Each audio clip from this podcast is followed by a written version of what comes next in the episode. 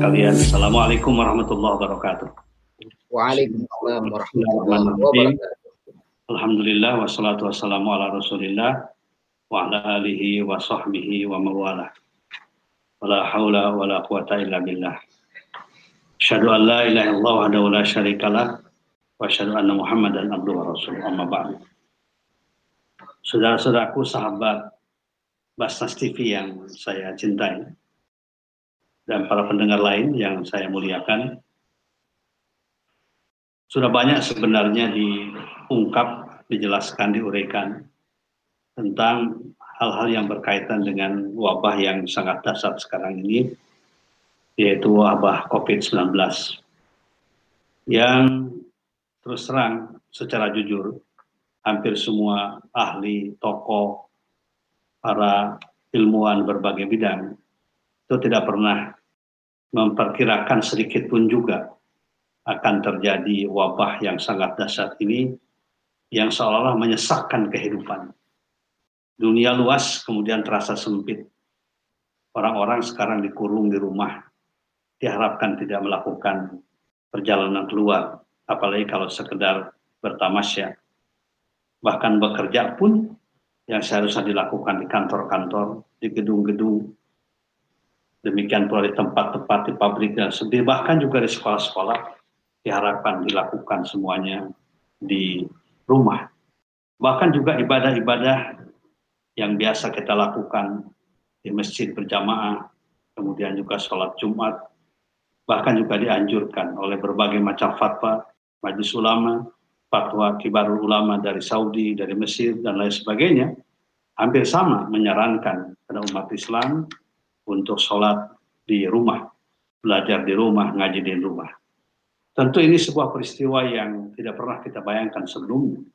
Kita hanya mengatakan astagfirullah, kita hanya mengatakan subhanallah, kita hanya mengatakan masya Allah, kita hanya mengatakan inna lillahi wa inna ilaihi raji'un. Dan itulah memang sikap muslim tidak terjadi sesuatu kecuali dengan izinnya. Kita hanya diperintahkan untuk melakukan ikhtiar secara material, secara fisik, baik itu yang berkaitan dengan kuratif, pengobatan, maupun juga yang berkaitan dengan preventif. Sudah banyak dibahas. Tapi yang ingin saya sampaikan pertama, bahwa setiap peristiwa apa pun, peristiwa kecil, peristiwa besar, musibah yang dianggap biasa, musibah besar, apalagi yang sekarang musibah yang sangat dahsyat, pandemi global bahkan juga dikatakan. Sudah hampir mewabah pada 203 negara di dunia ini. Barangkali belum pernah terjadi sebelumnya yang begitu dahsyat. Yang perlu kita perhatikan, jangan dianggap wabah ini adalah wabah semata-mata. Pendekatannya hanya pendekatan ilmu kesehatan pendekatannya hanya sekedar ilmu kedokteran. Ya. Kita sudah banyak diberikan pelajaran oleh kehidupan kita, pengalaman-pengalaman dalam kehidupan kita. Bahwa tidak pernah satu masalah, hanya masalah itu ansih.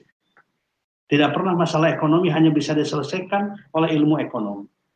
Ternyata berkaitan dengan lingkungan, berkaitan dengan gaya hidup, berkaitan dengan lifestyle, bahkan juga berkaitan dengan ibadah.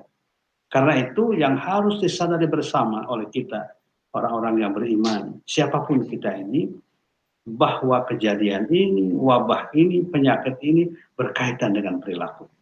Perilaku kita. Oleh karena itu perilaku kita harus kita perbaiki, sikap kita harus kita perbaiki.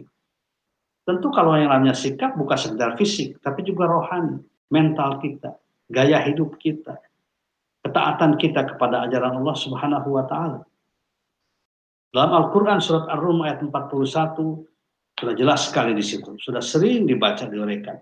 Zuharul fasadu fil barri wal bah bima kasabat aydin nas liyutiqahum ba'dal ladzi amilu la'allahum yarji'un.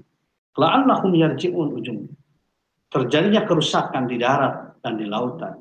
Bima kasabat aydin nas. Karena perilaku manusia, tangan-tangan manusia, tangan-tangan yang tidak amanah, tangan-tangan yang dolim, tangan-tangan yang khianat, tangan-tangan yang rakus yang menyebabkan itu semuanya. Tapi ujungnya apa? Ludhiqahum ba'dalladhi amilu. Akan kami timpakan pada manusia ba'dalladhi amilu. Sebagian. Bukan bukan seluruhnya, sebagian. Mungkin sebagian kecil. Jadi wabah ini adalah wabah COVID-19 ini bagian dari liudhikohum ba'dul ladhi amilu. Sangat kecil, sangat sedikit. Tidak kelihatan, tidak nampak. Apa tujuan la'allahum yarja'un? Agar manusia melakukan muhasabah pada dirinya. Introspeksi dirinya. Meningkatkan kualitas imannya, amal solehnya. Perbuatan baiknya untuk sesama. La'allahum yarja'un. Ada sebuah hadis juga yang dilewatkan oleh Imam Tabrani. Rasulullah SAW mengatakan yang menjelaskan hubungan ya berbagai macam e, penyakit ya berbagai macam wabah itu dengan perilaku. Beliau mengatakan begini, junjungan kita Rasulullah SAW mengatakan begini, Homsun bi homsin. Ada lima musibah, lima penyakit, lima kejadian yang buruk kelima kejadian itu itu diundang oleh lima hal yang dilakukan oleh kita. Lima perbuatan mengundang lima dampak yang buruk. Apa yang lima ini? Ma naqadu qauman bil al-ahda illa sullitu alaihim aduhum. Yang pertama, tidaklah kaum banyak mengkhianati janji, berjanji, berjanji, berjanji. Tapi pada yang sama, pada saat yang sama dia berusaha untuk tidak menepati janji ini Artinya banyak orang-orang yang berdusta, yang khianat dengan janjinya. Para pemimpin berkhianat, para tokoh berkhianat, tidak menepati. Semua masyarakat terlibat dalam pengkhianatan. Apa yang akan terjadi? Sulitu alim aduhum. Maka akan dikendalikan oleh musuh-musuh mereka. Dikendalikan oleh orang-orang jahat. Ya, kita sering berdoa kepada Allah bahwa wali ya Rabb Allahumma wali umurana khiyarana wala tuwalli umurana syirarana Ya Allah, wali umurana. Mudah-mudahan akan ngurus urusan-urusan kita khiyarana, orang-orang yang baik. Wala tuwalli umurana syirarana. Dan jangan yang mengurus urusan kehidupan kita ini orang-orang yang buruk. Ternyata yang ketika yang mengurus urusan kita orang-orang yang buruk itu diakibatkan oleh karena kita banyak berkhianat, banyak berdusta, tidak menepati janji, hanya janji, janji, janji, tapi tidak berusaha untuk uh, ditepati janjinya. Itu yang pertama. Jadi ma qaumun al-ahda illa sulitu alaihim aduhum. Yang kedua adalah wa ma hakamu bi ghairi ma anzalallah illa fasha faqr. Ya, tidaklah umat bangsa, komunitas masyarakat berhukum dengan hukum yang bertentangan secara diametral dengan ketentuan Allah, maka akan timbullah kefakiran. Kefakiran rohani dan kefakiran jasmani kepakiran materi. Ya, kepakiran rohani itu orang jadi rakus. Karena tidak pernah merasa puas, tidak pernah bersyukur pada Allah. Itu diakibatkan oleh karena orang cenderung melecehkan ajaran Islam, melecehkan syariat Islam. Sekarang dianggap dianggap biasa, bahkan gaya hidup dianggapnya. Kalau laki-laki, ya temannya itu adalah laki-laki lagi. Pasangan hidupnya laki-laki lagi. Kalau perempuan, pasangan hidupnya perempuan lagi. LGBT dan sebagainya. Nah, perilaku yang sekarang mendunia ini kan mendunia LGBT juga. Luar biasa, dianggap biasa. Bahkan dianggap sebagai sebuah bukti dari apa penghargaan pada hak asasi manusia. Maka jika itu merajalela dan dibiarkan berjalan, perzinaan berjalan, illa fasya fihimul faqr. Yang terjadilah kefakiran-kefakiran. Orang miskin semakin banyak. Orang mengatakan berbagai macam negara melaporkan tentang kemajuan ekonominya, ya, tapi ternyata yang terbanyak justru yang terjadi adalah orang-orang yang fakir. Itu yang kedua. Kemudian yang ketiga wala dhaharat fihimul faisha illa fasha fihil maut. Nah, dan tidaklah dohir nampak terang-terangan al faisha ya perbuatan-perbuatan buruk kezaliman-kezaliman, perzinaan, perzinaan, penipuan-penipuan menjadi tren ya dalam kehidupan masyarakat. Apa yang akan terjadi kalau itu dibiarkan? Tidak ada kelompok yang melaksanakan amar ma'ruf nahi munkar karena semuanya takut. Yang terjadi adalah illa fasha fihimul maut. Nah ini yang saya khawatirkan terjadi. Ya, kecuali akan terjadi turunnya penyakit yang menyebabkan kematian. Ya, jadi terjangkit penyakit itu mempercepat kematian. Hanya dalam waktu seminggu, bahkan dua, dua hari, tiga hari, ada yang 14 hari. Ya, ada yang kelihatan dulu tanda-tanda yang tidak ada kelihatan. Fasyafihimul maut. ya yang akan terjadi adalah banyaknya orang yang mati, banyak orang yang meninggal dunia. Mungkin juga orang baik, ya. Karena tidak tidak tidak semuanya orang yang terkena musibah ini orang tidak baik. Al-Qur'an sudah mengatakan, "Wattaqu la tusibanna alladziina dzalamu anna Allah syadidul iqab." Takutlah kalian sama fitnah ujian musibah dari Allah yang tidak akan hanya menimpa apa terkena pada orang-orang zalim saja, terkena juga pada orang-orang baik. Makanya saya juga menghimbau, saya pernah menyatakan berdialog di sebuah stasiun televisi bahwa jangan ada anggapan bahwa uh, wabah COVID-19 ini, ya, virus corona ini, kalau terjangkit pada seseorang kemudian orang itu meninggal dunia, itu jangan dikatakan aib. Jangan ditolak jenazahnya, karena dia tidak bersalah.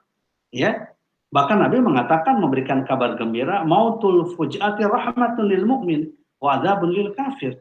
Kematian yang sifatnya mendadak itu rahmat bagi orang yang beriman. Ya, rahmat bagi orang yang beriman. Sebaliknya azab bagi orang yang tidak beriman. Tidak sempat dia bertobat kepada Allah. Oleh karena itu maka jenazah itu harus dimuliakan. Jangan sampai ditolak, dikuburkan. Karena memang kewajiban, bukan kewajiban jenazah. Yang berdosa itu kita yang hidup. Karena mengurus jenazah itu adalah merupakan fardu kifayah kan empat halnya. Pertama memandikan, yang kedua mengkafani, ketiga menyolatkan, dan yang keempat adalah menguburkan. Bahkan ada pertanyaan bagaimana kalau dibakar. Saya kira bakar itu bukan ajaran Islam. Kita harus menghormati. Bahkan Nabi dalam sebuah hadis mengatakan menyakiti orang yang sudah meninggal dunia, menyakiti jenazah, menyakiti orang yang mati, itu sama dengan menyakiti orang hidup dosanya. Jadi itu yang yang yang ketiga ya, atau yang keempat ya. Wala dhaharat fasya illa fasya fihimul maut. Kemudian yang keempat, wala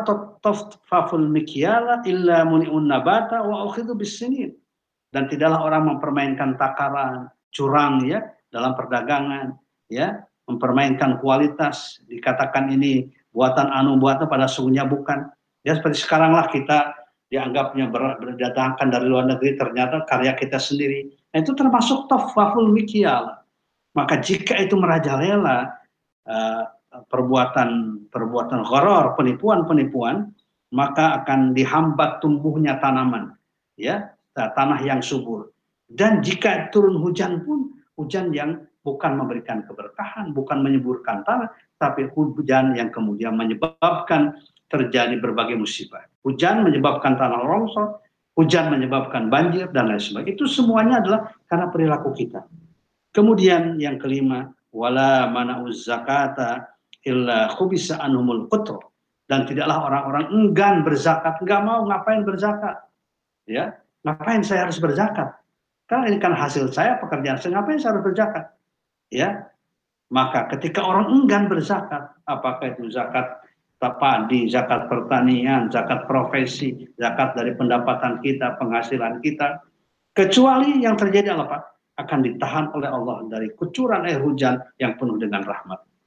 Nah ini adalah jelas sekali kan, jelas sekali bahwa musibah itu berlaku dan berkaitan dengan perilaku kita. Jadi jangan dianggap, jangan dianggap wah ini kan musibah bukan adab dari Buddha. Itu salah itu. Pendapat-pendapat kaum sekuler yang mengatakan bahwa peristiwa-peristiwa yang terjadi itu nggak ada kaitan dengan perilaku. Semata-mata kehendak Allah, betul kehendak Allah. Tapi Allah ingin liyudhiqahum ba'dalladzi amilu la'allahum yarji'un. Itu perilaku orang yang beriman. Dia harus sadar betul dia harus melakukan muhasabah, mengintrospeksi diri agar perbuatan lebih baik, meninggalkan perbuatan-perbuatan yang menentang aturan Allah dan kemudian melakukan perbuatan-perbuatan yang lebih meningkatkan takarub kita kepada Allah serta mendekatkan diri kita dengan sama kita. Ada beberapa hikmah ya. Yang pertama adalah dari dari dari apa? Dari wabah Covid ini, Covid-19 ini. Yang pertama adalah ini menggambarkan kekuasaan Allah yang bersifat absolut. Tidak pernah kita bayangkan. Begitu lemahnya kita. Begitu lemahnya sains dan teknologi. Begitu lemahnya alat-alat kesehatan. Begitu lemahnya eh, senjata-senjata uh, yang dahsyat. Ya tidak bisa menumpas ini semuanya. Karena dikendalikan oleh zat yang menciptakan kita. Udah berul alam.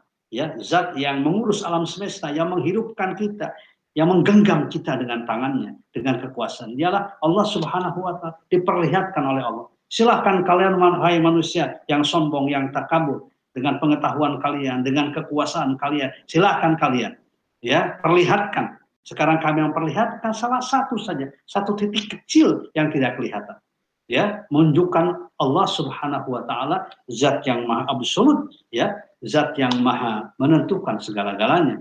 Maka di sinilah dengan muhasabah kita membangun kesadaran spiritual, kita membangun kesadaran tauhid, ya, kita membangun kekuatan keimanan, kesadaran untuk menguatkan iman kita hanya kepada Allah. Allah lah yang khaliqu kulli syai, ya, wa huwa yuhyi ala kulli syai, wa huwa yumit ala kulli syai. Beliau yang menghidupkan, yang mematikan, yang memberikan rezeki, yang menghidupkan kita, yang menyehatkan kita. Ya. Fa idza maritu fa huwa yashfin, begitu doa Nabi Ibrahim yang digambarkan pada surat Asy-Syu'ara, ya. Wa idza maritu fa huwa yashfin. Kalau aku sakit, maka hanya Allah lah yang bisa menyembuhkan. Jadi ini yang pertama ya menggambarkan apa e, kekuasaan Allah yang absolut, yang maha luas, yang maha kuasa. Karena itu maka manusia implikasi dari muhasabah ini manusia tidak boleh sombong. Ya sombong dengan ilmunya, sombong dengan kekuasaannya, sombong dengan hartanya, seolah-olah dia bisa mengendalikan segala sesuatu. Inilah memang kalau kita lihat siklus dari adab Allah itu ketika muncul kesombongan yang dasar. Bukan semata-mata muncul kemaksiatan biasa, tapi juga siklus adab yang dasar itu itu adalah muncul ketika banyak orang yang sombong. Ya, sehingga dia menyepelekan agama, menyepelekan perintah Allah. Nah, ketika muncul kesombongan yang luar biasa, ketika Firaun mengatakan ana rabbukumul ala, fa'akhadahullahu nakal al-akhirata wal ula ya ketika dia mengatakan dengan kesombongannya ana rabbukumul ala maka pada saat itu kemudian dia diadab oleh Allah Subhanahu wa taala. Demikian pula kisah Qarun demikian pula yang lain. Kemudian yang kedua adalah Allah Subhanahu wa taala menurunkan syariatnya. Dan syariatnya itu syariat Islam itu adalah syariat yang komprehensif yang sumulia yang kita diperintahkan untuk masuk ke dalamnya melaksanakan dengan sebaik-baiknya dengan penuh kesadaran. Ya ayyuhalladzina amanu, wahai orang-orang yang beriman, udkhulu fis-silmi kafa. Masuklah kalian dalam agama, dalam Islam kafatan secara menyeluruh.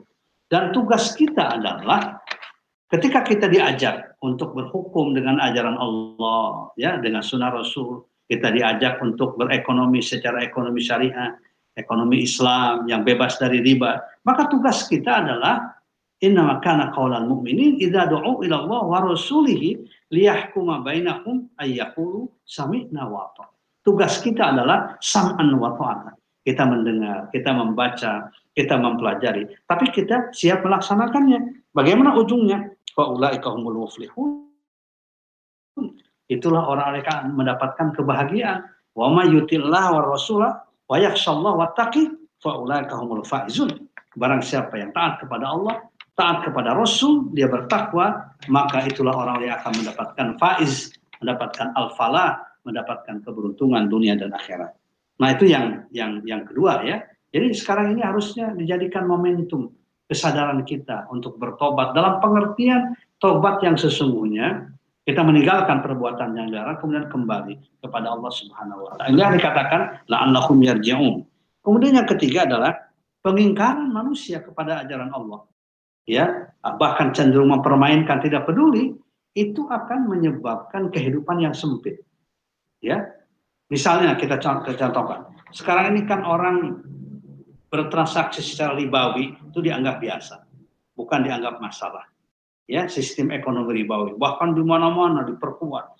Ya bahwa sistem ekonomi ribawi inilah sebenarnya yang menyebabkan kesejahteraan. Begitu eh, di mana-mana ya. Di semuanya di semua negara bukannya di Indonesia. Padahal kalau kita lihat sistem ribawi yang notabene sistem bunga, itulah sebenarnya yang mengundang azab dan malapetaka. Ya, dari Allah Subhanahu wa taala. Itu bisa lihat kita lihat dari surat Al-Baqarah 278 dan 279. Ya. Ya ayyuhalladzina amanu taqullah wa daru ma baqiya minar riba in kuntum mu'minin. Wahai kalau orang-orang yang beriman bertakwalah kepada Allah dan tinggalkan semua sisa sisa riba itu. In kuntum ini jika kalian benar-benar beriman. Jika kalian benar-benar beriman, tinggalkan. Jangan ada alasan. Dua setengah persen, lima persen, sepuluh persen, satu persen. Jangan ada alasan. Ya, daru mabak yang menyariba in kuntum mu'minin. Tinggalkan oleh kalian sisa-sisa riba jika kalian beriman. Lanjutan ayat itu 279 ya, fa illam taf'alu fa'dhanu biharbim minallahi wa rasuli. Kalau kalian tidak mau meninggalkan, ah nggak apa, nggak apa-apa kan ini biasa masalah ekonomi, nggak ada kaitan dengan agama. Terus saja enak asyik kita ini bermain riba, tidak pernah berusaha ya dengan semaksimal mungkin untuk keluar dari sistem ribawi. Ya, ada kecenderungan mempermainkan. Ya, maka apa kata Allah? Fa'ilam taf'alu fa'zanu biharbim minallahi wa rasul. Kalau kalian tidak meninggalkan, maka sama dengan mengiklankan, memberitahu pada Allah. Fa'dhanu, ya, fa'dhanu itu memberikan pemberitahuan lah ya kepada Allah. Biharbim minallah wa rasul. Memerangi Allah dan Rasulnya. Bayangkan, ya, ini ngajak peperangan begitu dengan Allah karena tidak peduli. Ya, saya hanya melihat ya ayat yang paling dahsyat ya berkaitan dengan tindakan kejahatan. Kejahatan dalam Islam di bawah itu, itu yang langsung disebut berperang itu adalah perbuatan riba. Ya, ini harus disadari nih oleh para ekonomi semuanya ya. Jadi jangan merasa asik masuk teori-teori anu kemudian kita kembangkan padahal di situ sistem riba. Apa yang terjadi sekarang? Di mana-mana individu punya utang banyak, negara juga punya utang, ya bukan hanya negara kita, hampir semua negara sekarang tergantung pada utang, permainan utang. Ya, saya melihat ini bukan semata masalah manajemen, ya, bukan semata-mata masalah teori uh, fiskal, ya, bukan semata-mata berkaitan dengan masalah akuntansi, tapi berkaitan dengan sikap kita, keimanan kita, semacam melecehkan terhadap larangan riba, diharamkan riba oleh Allah Subhanahu wa taala. Maka ini diperlukan. Kemudian yang keempat, yang keempat adalah mengajarkan manusia COVID ini supaya hidup kita teratur, bersih sesuai dengan ajaran Islam ya. Pakaian bersih, rumah bersih, tempat ibadah bersih, makanan juga bersih, halal, thayyib sesuai dengan aturannya. Ya, itu itu sudah sudah lama. Makanya sekarang kan kita melihat bahwa salah satu cara untuk menjaga dari penyakit ini, wabah ini, apa tangan itu kan dicucinya baik-baik sampai dengan antara jari dengan jari itu diapakan tuh dicuci itu kan perintah agama kita. Memasukkan air istinsya ya ketika kita berwudu pada pada hidung misalnya ya dengan baik. Itu semuanya adalah menggambarkan bahwa Islam itu mengajarkan pada kebersihan. Dan yang terakhir ini adalah hal-hal yang saya kira mendasar bagi kaum kalangan kampus akademisi bahwa ternyata kita tidak boleh sombong dengan ilmu. Ya wa fawqa kulli ilmin alim. Di atas orang yang punya ilmu ada zat yang maha tinggi. Ya, sekarang dunia sains dan teknologi begitu dahsyatnya, hebatnya. Kesehatan, dunia kedokteran, tapi ternyata menghadapi wabah ini semuanya pada angkat tangan. Ya, perlu melakukan uh, pengkajian lagi, penelitian lagi. Memang umat Islam perintahkan ya, melakukan pengkajian, penelitian, kecintaan pada riset ya untuk menemukan sesuatu yang baru. Ada inovasi-inovasi yang dilakukan. Ya, dan seperti juga digambarkan bahwa ilmu kita ini sedikit, ya saluna kan ruh, kulir ruh min amri rabbi wa ma utitum min ilmi illa qalila. Kalian tidak pernah diberi kecuali dengan ilmu yang sangat-sangat sedikit. Oleh karena itu inilah beberapa hal yang ingin saya sampaikan dalam kajian ini. Ya, tentu masih banyak lagi yang bisa diuraikan, bisa dikaji agar kita melakukan muhasabah sehingga dengan sebab musibah COVID-19 ini akan ada peningkatan cara berpikir kita, gaya hidup kita, keimanan kita, ibadah kita, dan kegiatan sosial kita memberikan perhatian, empati, dan simpati kepada sama kita. Demikian saya kira Pak Ustaz Salahuddin ya, yang saya sampaikan pada pagi hari. Terima kasih. Assalamualaikum warahmatullahi wabarakatuh.